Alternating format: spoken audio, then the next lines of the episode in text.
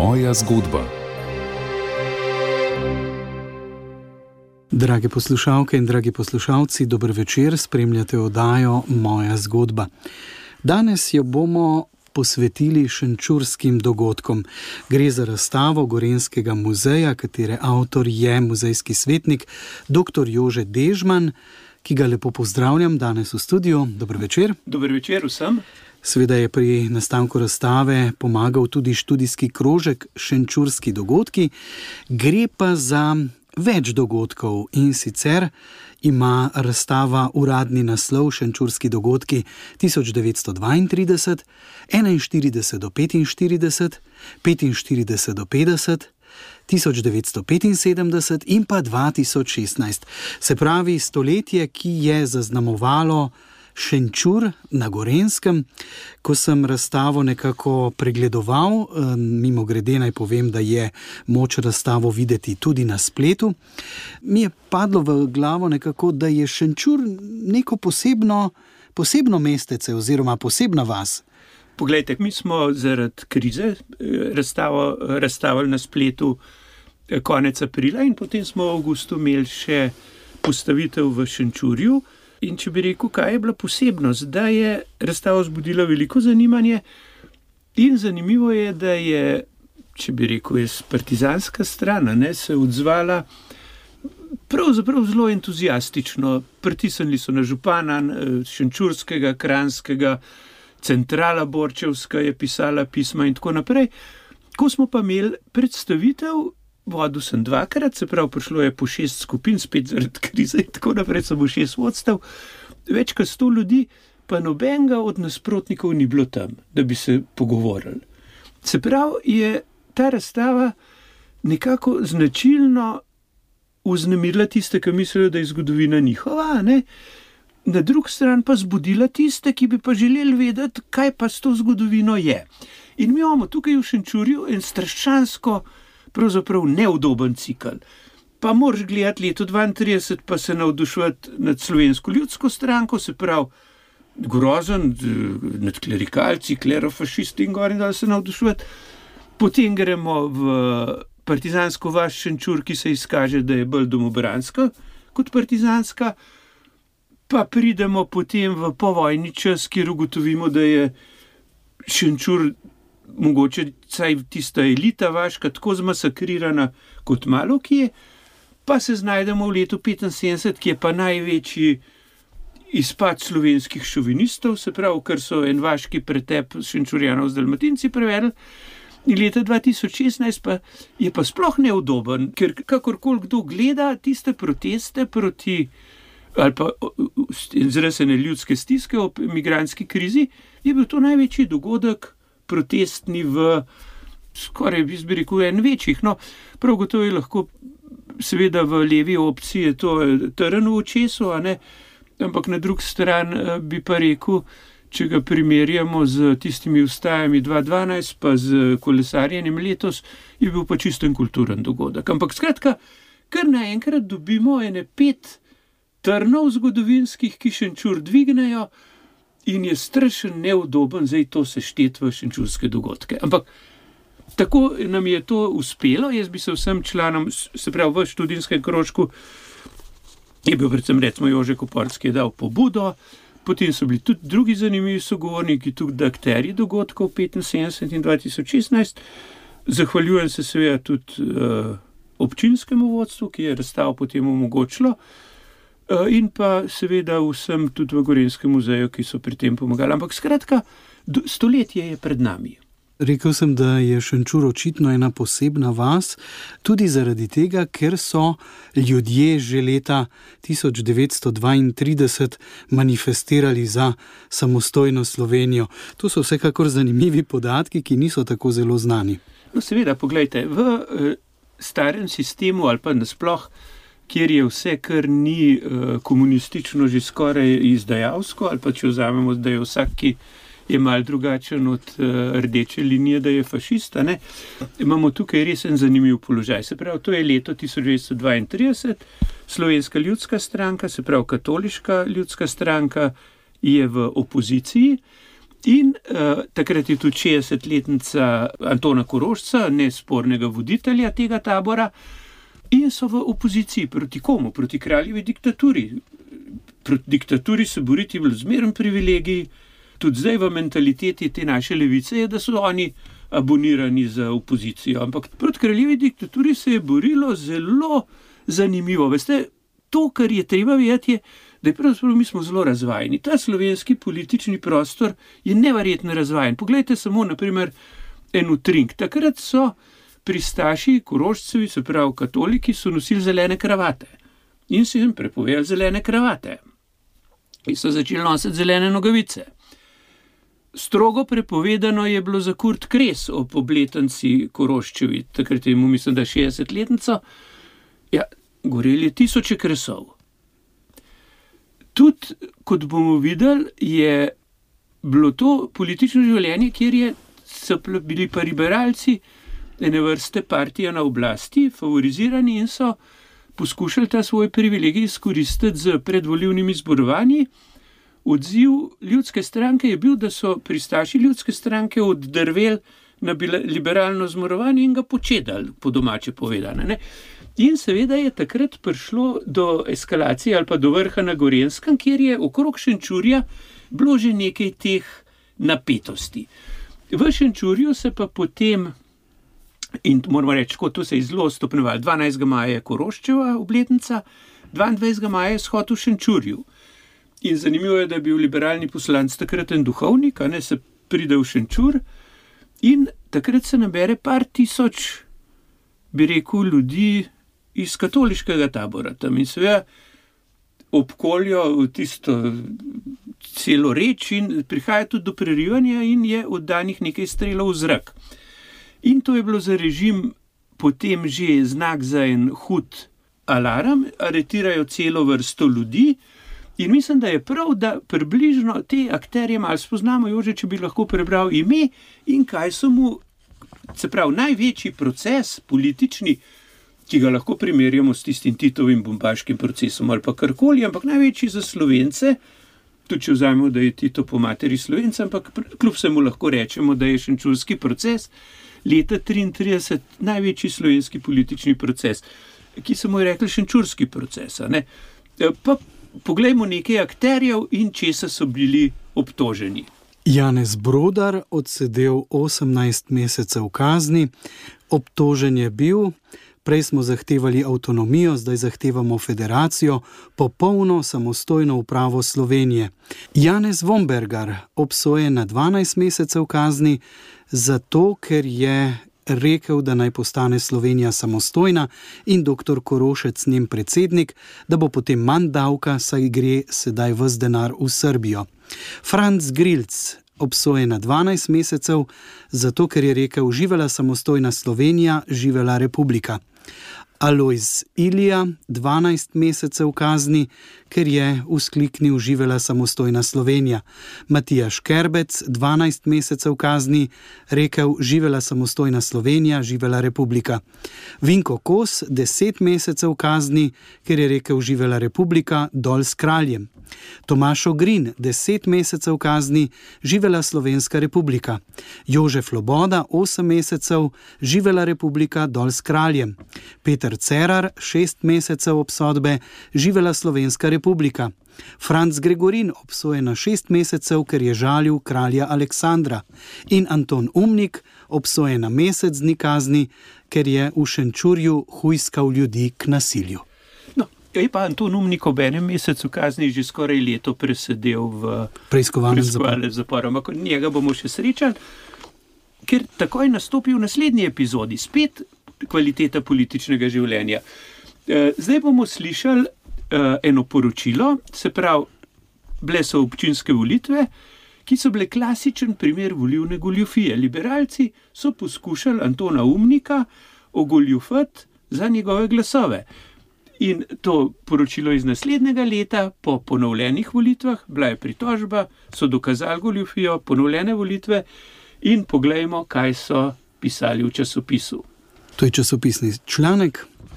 Pri občinskih volitvah, ki so se vršile dne 15. oktober 1933, se je udeležilo volitev 603 voljivcev, od katerih je glasovalo po uradnih podatkih za listo Jakoba Štera 334 in za listo Antona Umnika 269 voljivcev. Pritožba na upravno sodišče je navajala, da je glasovalo za listo Jakoba Štera le 204 in za listo Antona Umnika 399 voljivcev, skupaj torej tudi 603.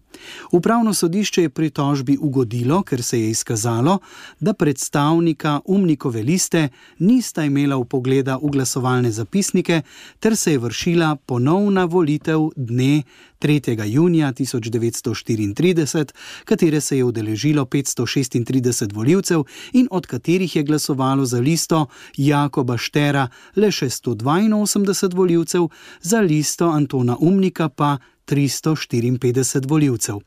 Ta izid izkazuje razmerje, ki ga je navajala pritožba. Upravno sodišče je torej upravičeno razveljavilo prvo volitev. Tako le vidite, kako je potem prišlo v Šenčurju do ene tektonske spremembe, ampak to vrstne goljufije, grobosti, pretepanja, ovajanja in tako naprej v tisti bratski ljubezni med slovenci v prvi Jugoslaviji niso bile nič neobičajnega. Tako da pomeni, da je politično življenje lahko veliko bolj grobo, kot si ga danes predstavljamo. Ampak, ko konec leta 32 slovenska ljudska stranka izda še ljubljanske punktacije, ko zahteva več avtonomije, to pomeni tudi njen uspon v popolnega vladarja slovenskega političnega prostora do druge svetovne vojne. In tudi Anton Umnik je z leta 36 sploh opozicije v Šenčurju ni več, niti en ni izvoljen v občinski odbor in pomeni, da kljub vsemu pride v Šenčurjen politik, ki mu zdaj vsi priznavajo velike zasluge za kraj, za razvoj kraja, za požrtvovalno javno delo in tako naprej. Skratka, politik v tistem smislu, ki bi ga želeli še danes. Ima spomenik? Ta hip potekajo pogovori, nedvomno uh, je že njegov Eh, njegov vnuk eh, je že govoril na občinskem prazniku, predstavil njegov lik. Tako da jaz mislim, da, bo, da je ideja o njegovem spomeniku ali na tem trgu pred crkvijo ali pa staj njegov oznaka njegovega županovanja, ne? Ker tudi eh, liberalni župan Šter bi zaslužil, da se ga omeni, le dolga leta se mučil z občino in potem tudi, sicer tudi ob tem neslavnem slovesu, ampak kljub vsemu. No, ampak umnik seveda nastopa, zdaj pa prihajamo v ta vojni čas, kjer smo že omenili, ne, da je nenavadno v Šenčurju, je vse skozi, predvsem je tukaj, tukaj znani Franc Štefemiško, to je človek, ki smo ga srčevali kot neomejenega, neomajnega, tudi zagovornika resnic starega sistema, je tukaj vzpostavil režim Šenčurja kot popolne partizanske vasija. Tukaj, seveda, je pa ena centralnih zgodb spet umnikova in mogoče je najbolj, da se kar srečamo z besedilom Janka Mačka, ki nam umnikovo usodo najbolj plastično predstavi. Janko Maček opisuje, kako je 18-letni sokrajan Janko Belehar umoril Antona Umnika. Citiram. 3. septembra 1942 popovdne so umnikovi, po domače Makovčevi iz Šenčurja, v gozdu pripravljali steljo. Približala se jim je skupina partizanov in zahtevala, da gre oče umnik z njimi. Kar skozi gost in prek polja so ga odpeljali v približno eno uro oddaljeno hrastje na dom Janeza Brodarja. Ko so se približali Brodarjevi domačiji, je bivši poslanec in predsednik Mečke zveze spodkidaval gnoj v svinjakih. Nekdo od poslov, ki je zagledal obiskovalce, še preden so prišli na dvorišče, je takoj obvestil gospodarja. Tako sta se on in najstarejši sin Ivan še utegnila skriti. Nenapovedani nočni gostje so preiskali celotno domačijo, vendar jo niso našli. Med preiskavo so seveda tudi napolnili svoje nahrbtnike. Antona Umnika in nekaj članov Brodarjeve družine so vse čas stražili v hiši. Ko so se sredi noči pripravljali k odhodu, je poveljnik poklical 18-letnega partizana iz Šenčurja in mu dal kratek ukaz. Fant je pristopil k nekdanjemu županu in nekajkrat ustrelil. No, in čez nekaj dni je bil še en podoben umor.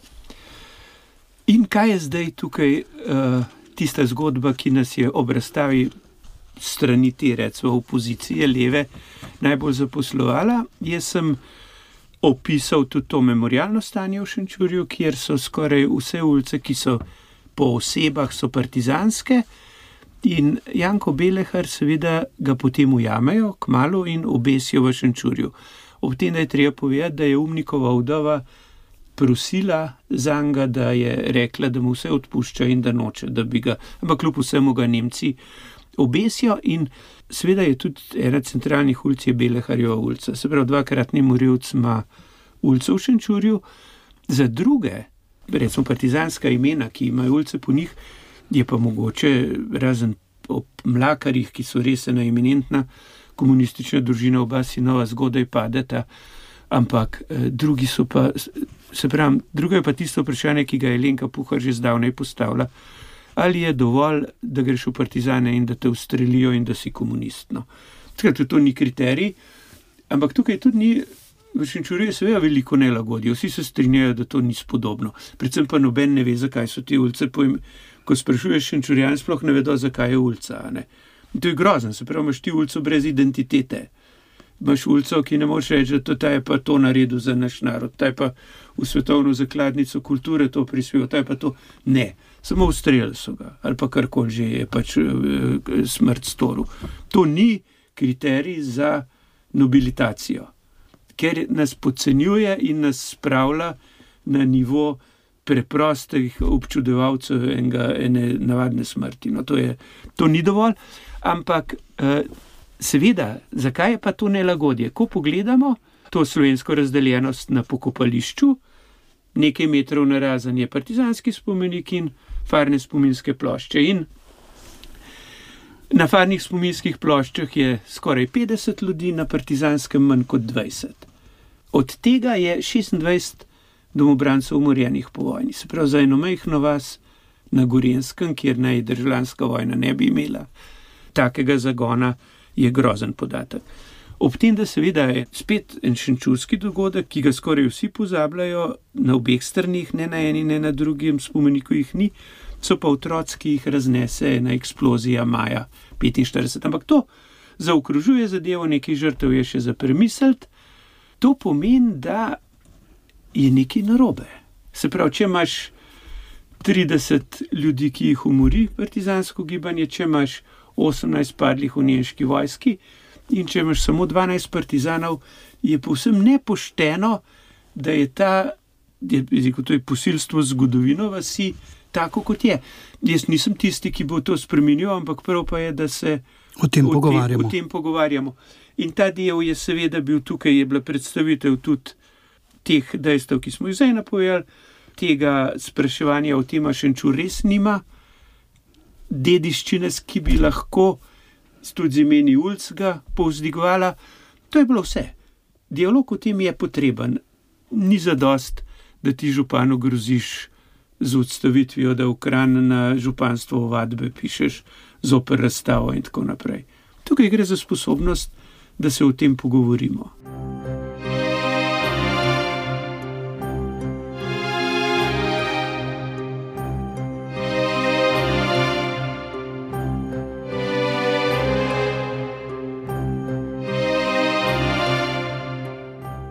Poslušate Radio Ognišče, oddajo Moja zgodba.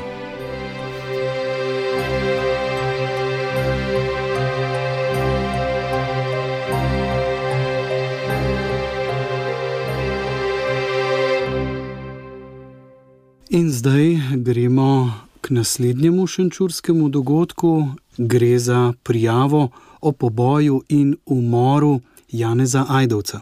Tako je.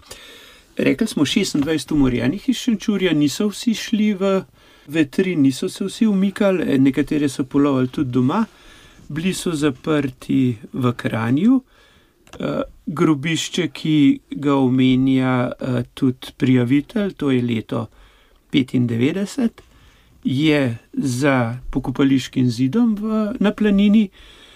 In to so stvari, ki so pomembne, ker nam kažejo, se pravi, majhna vas 26 umorjenih in prva posledica je seveda iskanje mrtvih in krivca. In mislim, da je ta prijava dokument, ki zasluži pozornost.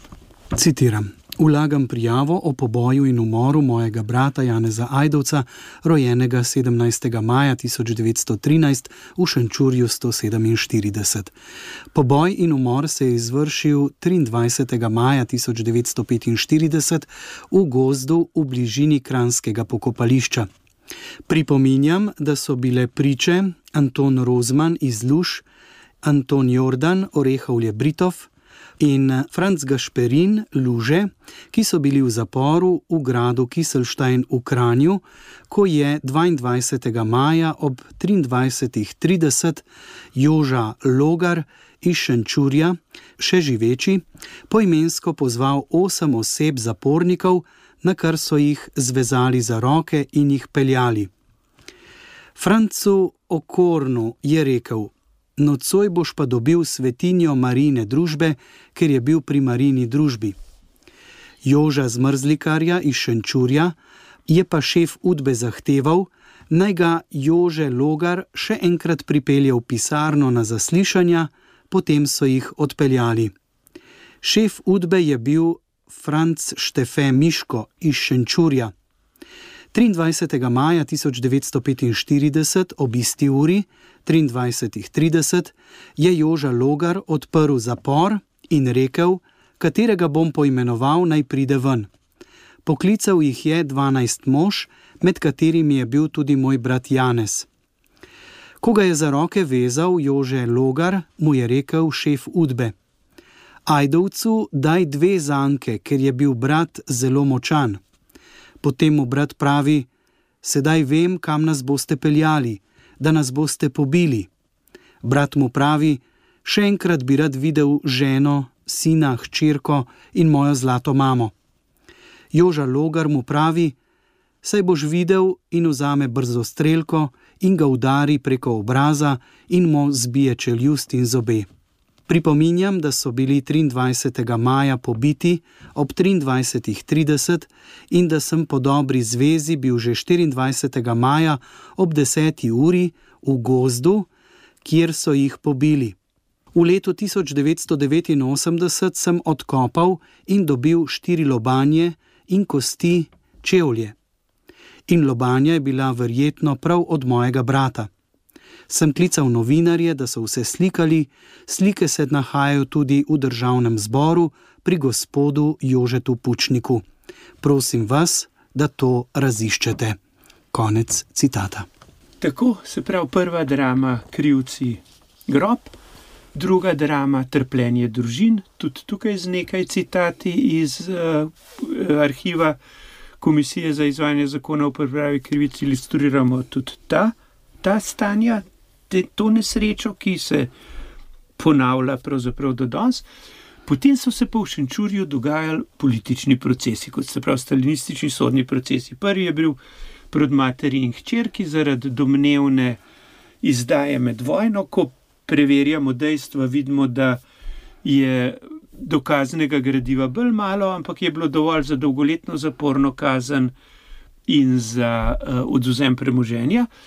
Se pravi, najbogatejši šenčurjani so bili rabičevi, se pravi, taki self-made, ampak več hiš, hektari zemlje, obrti, podjetnost, prevozništvo in tako naprej.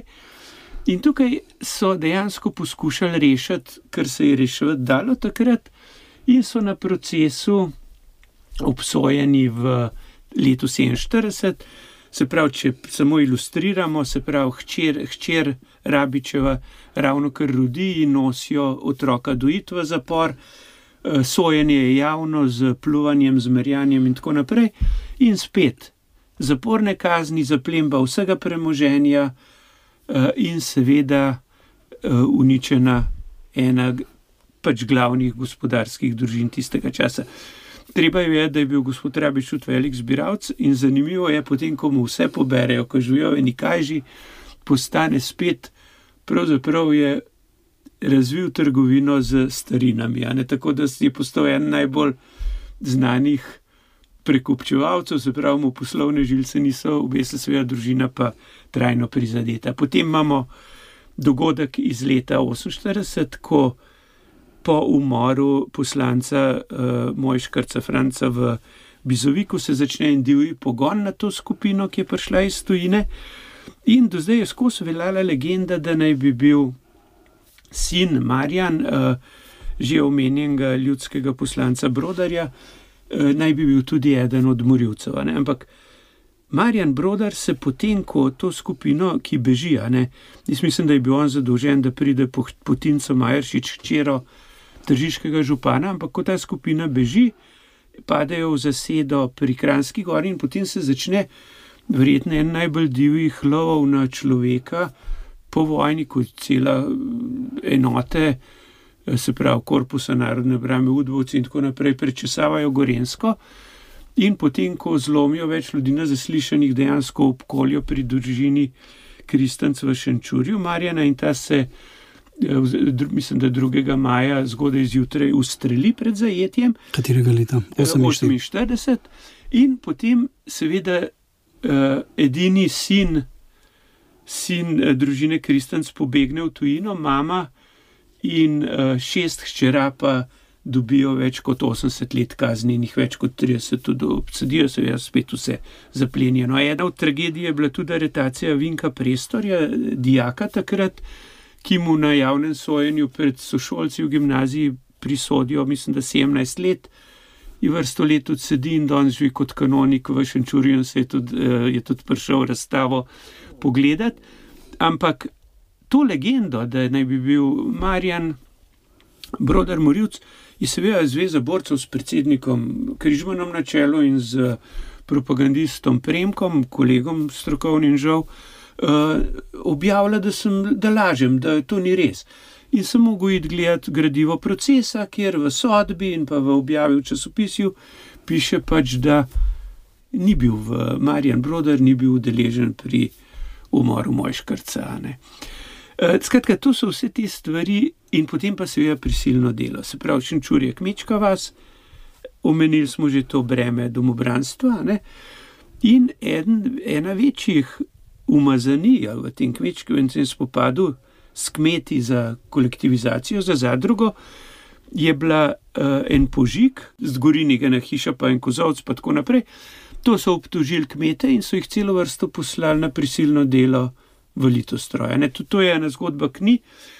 Bi pa rad rekel, da zdaj pa raziskujemo še en šenčurski dogodek in to je pa Dan republike leta 52, ki se mu reče konska ohca. Do zdaj Moram reči, da razstave, kar ko si vprašal, ni noben nič vedel. Hotel povedati. Vsi so povedali, da je bilo.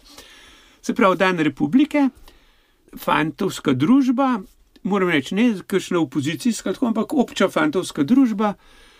Kupi konja, ga predela v golaš in klobase, grejo po ne, velike količine vina na, uh, na Dolensko. Potem je zgledal tako, da je bila na, na balkonu Ganku hiše konska glava obešena, na eni strani državna zastava, na drugi strani partijska.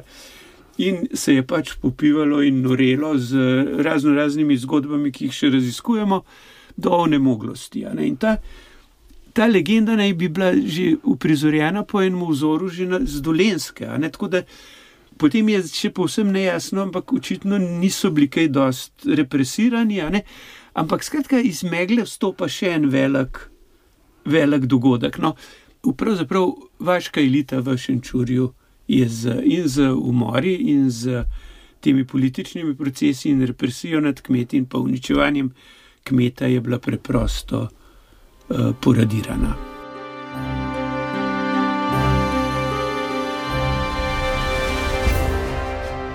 Z vami je Radio Ognišče, oddaja Moja zgodba.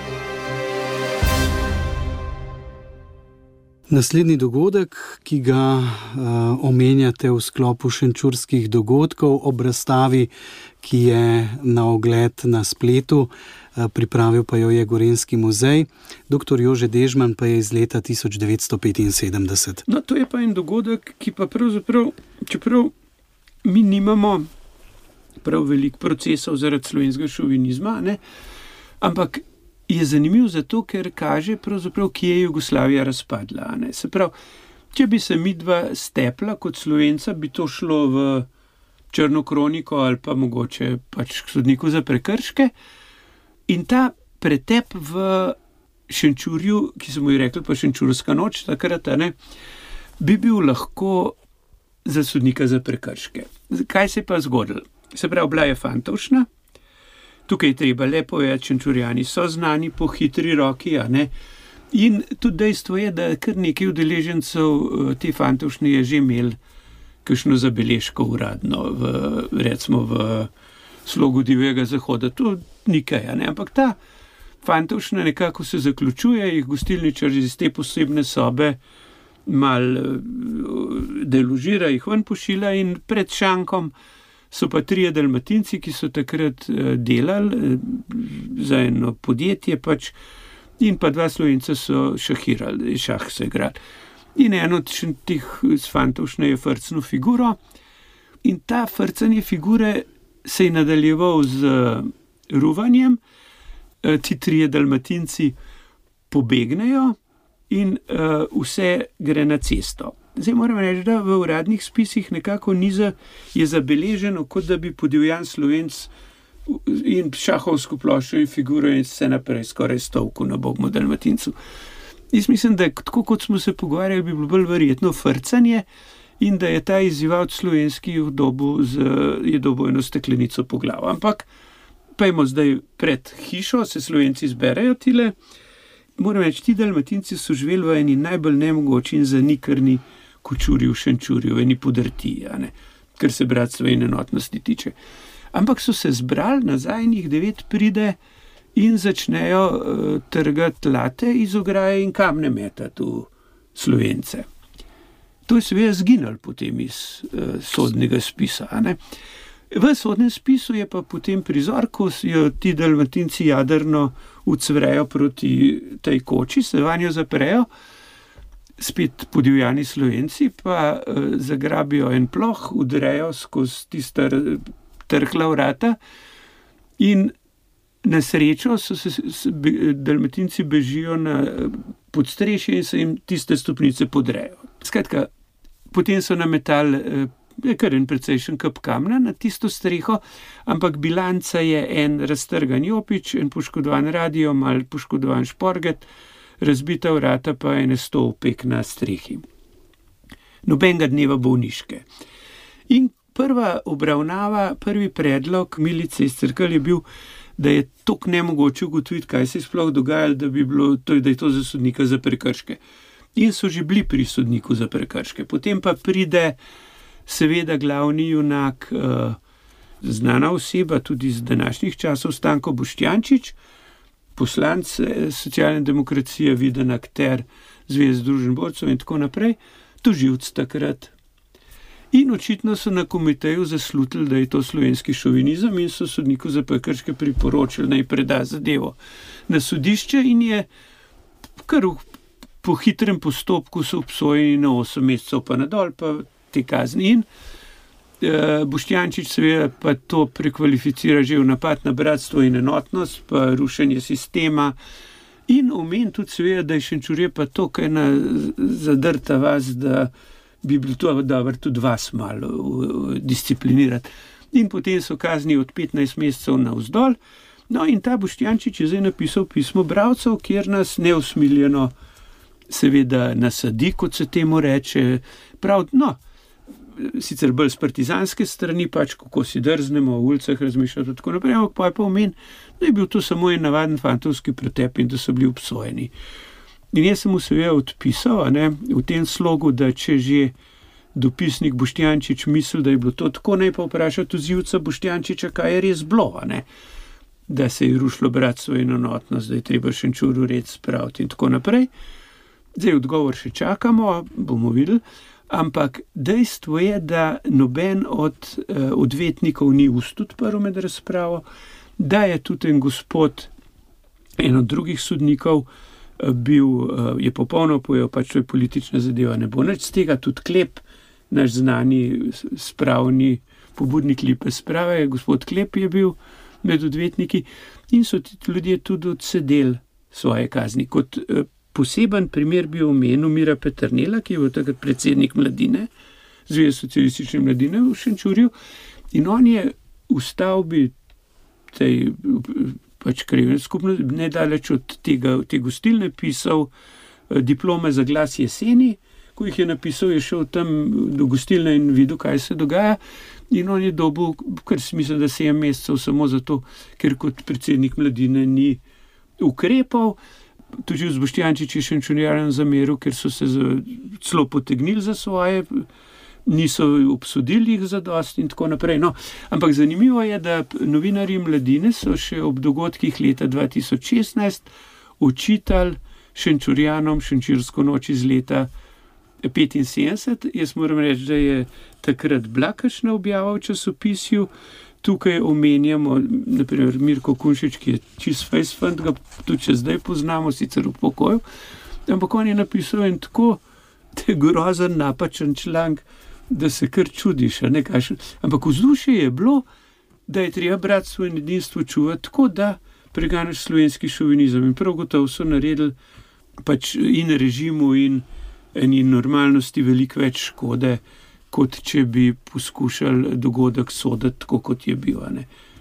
Citiramo tole iz eh, obravnave. Jaz mislim, da bi bilo prav, ne, to, da se od tega dogodka poslovimo, pa da toživčeve besede le bolj spoznamo, kar s tem citatom. Na obravnavi 28. oktober 1975 je javni tožilec povdaril: Citiram da si nekateri obdolženi domišljajo, da so oni pozvani, da bi delali red v Šenčurju. Sodišče opozorim, da gre za del znane miselnosti in folklore v Šenčurju. Divjanje obdolžencev je imelo širok odmev javnosti in na območju sodišča je bil to v zadnjih desetih letih edinstveni primer, trpeti pa so morali nedolžni ljudje. Pripominjam pa, da sredina, v kateri živijo obdolženci, le teh ni obsodila. Povdaril je tudi politično nujo obsodbe in predlagal, da sodišče izreče obdolžencem take kazni, ki bodo vplivali na njih in ki bodo tudi vplivali na sredino, v kateri živijo, in na morebitne potencijalne storilce tovrstnih dejanj. Povdari, da je iz NOB razvidno, da bratstvo in enotnost nista le besedi, iz katerih se lahko norčujemo, ampak da sta težko pridobljena resničnost in da je naloga vseh nas, da to ščitimo. Konec citata. No, in vidite, in smo potem zdaj, če preskočimo, ker je čas stoletja mineva, prihajamo in smo že v novem stoletju. 2016, eh, migranska kriza, vlada načrtuje nastanitev imigrantov v opuščeni trgovski uh, hiši, tik ob avtocesti.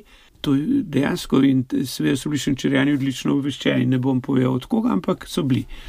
In so videli, da se tam načrtuje, začne pripravljati, takrat pa v splet uskoči, skratka, nova generacija. In imeli smo proteste z nekaj tisoč udeleženci. Dejstvo je, da so pravzaprav, jaz bi tako rekel, da je ta protest je rešil vlado. Predstavljajte si, da bi ob avtocesti, sred ceste, imeli tam en center, v katerem bi bogi ljudje mogli živeti, pravzaprav v enem, v enem hangarju. Ja, ta dogodek uh, je seveda, spet smo že rekli, za levico teren v česu, ampak jaz verjamem, da toliko slovenskih zastav, kot jih je bilo tam, bi mogoče v planici ali pa ki je redko vidiš, drugo je, da so bile, uh, da so bile tudi provokacije, recimo z leve strani, z raznimi domogranskimi pla plakati, pa gor in dol. Ampak, če vse skupaj seštejemo, je to spremenilo uh, eno vzdušje v Sloveniji. Jaz mislim, da je prispeval tudi k resnosti dojemanja kot nacionalnega problema migranske krize. Zdaj, mislim, če mogoče ilustriramo zadevo še za nekaj gesli z traktorjev, z traktorjev in transparentov. Imamo pa uh, dogodek, o katerem bo zgodovina sodila, kakorkoli, je pa spet največji slovenski protest v času migranske krize leta 2016. Takrat je bila vlada Mira Cerarja. Mira Cerarja in uh, šefic je bil. Uh, šefic je bil šef celotne koordinacije policijske, bi pa tako rekel, da dogodek je bil nedvomno take napetosti, kot so bili prvi šenčurski dogodki, samo na srečo država pa ni bila taka, da bi ravno kot leta 75 ali pa leta 32 šenčurjane pošiljala v zapor. Torej, citati. Živela Republika Slovenija. Tako. E, tole so citati. Šefic nisi sončni kralj. Slovenija umira. NLB udbovski bankomat. Tudi ti si odgovoren za usodo slovenskega naroda. Migrante postavlja, župane odstavlja, šefic. Migrantski center ne hvala. Socializem propada, ko zmanjka ukradenega denarja. Slovenija slovencem, ne migrantom. Dolžnost vsakega domoljuba je, da varuje svojo domovino. Vlada, saj nismo osli. Znebimo se vlade in migrantov. Moj dom, moja trdnjava. Kako dolgo bomo še hlapci? Turki so v deželi spet, Slovenci proti migranskim centrom. Ali je drobiš dovolj vojski in policiji za zaščito domovine? Pa še kakšen verjetno. Tako, ampak skratka, kot vidite, neizmerno težavna zgodovina, neizmerno zanimiva in čas za dialog. In ta upam, da se bo v Šenčurju nadaljeval, če bomo postavili še eno razstavo, bodo reakcije na te šenčurske dogodke že nov šenčurski dogodek.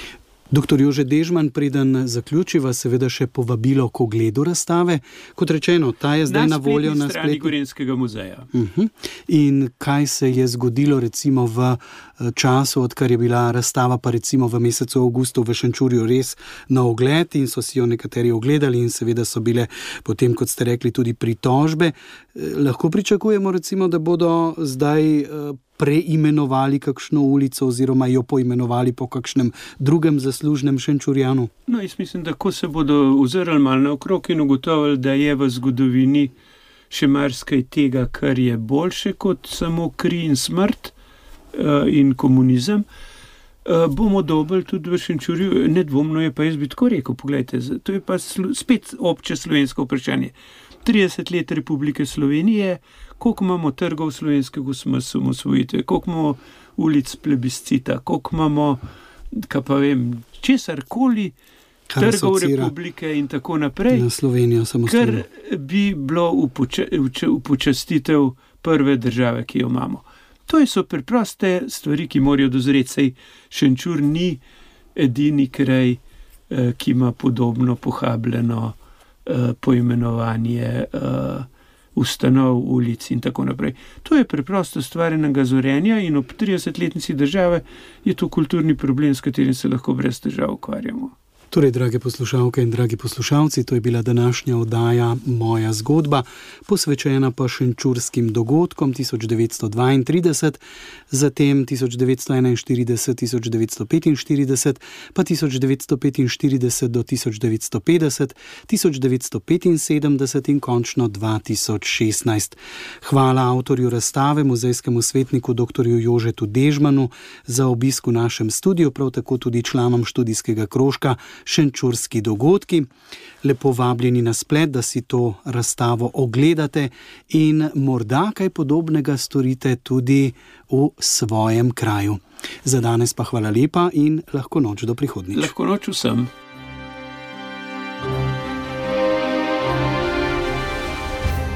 Moja zgodba.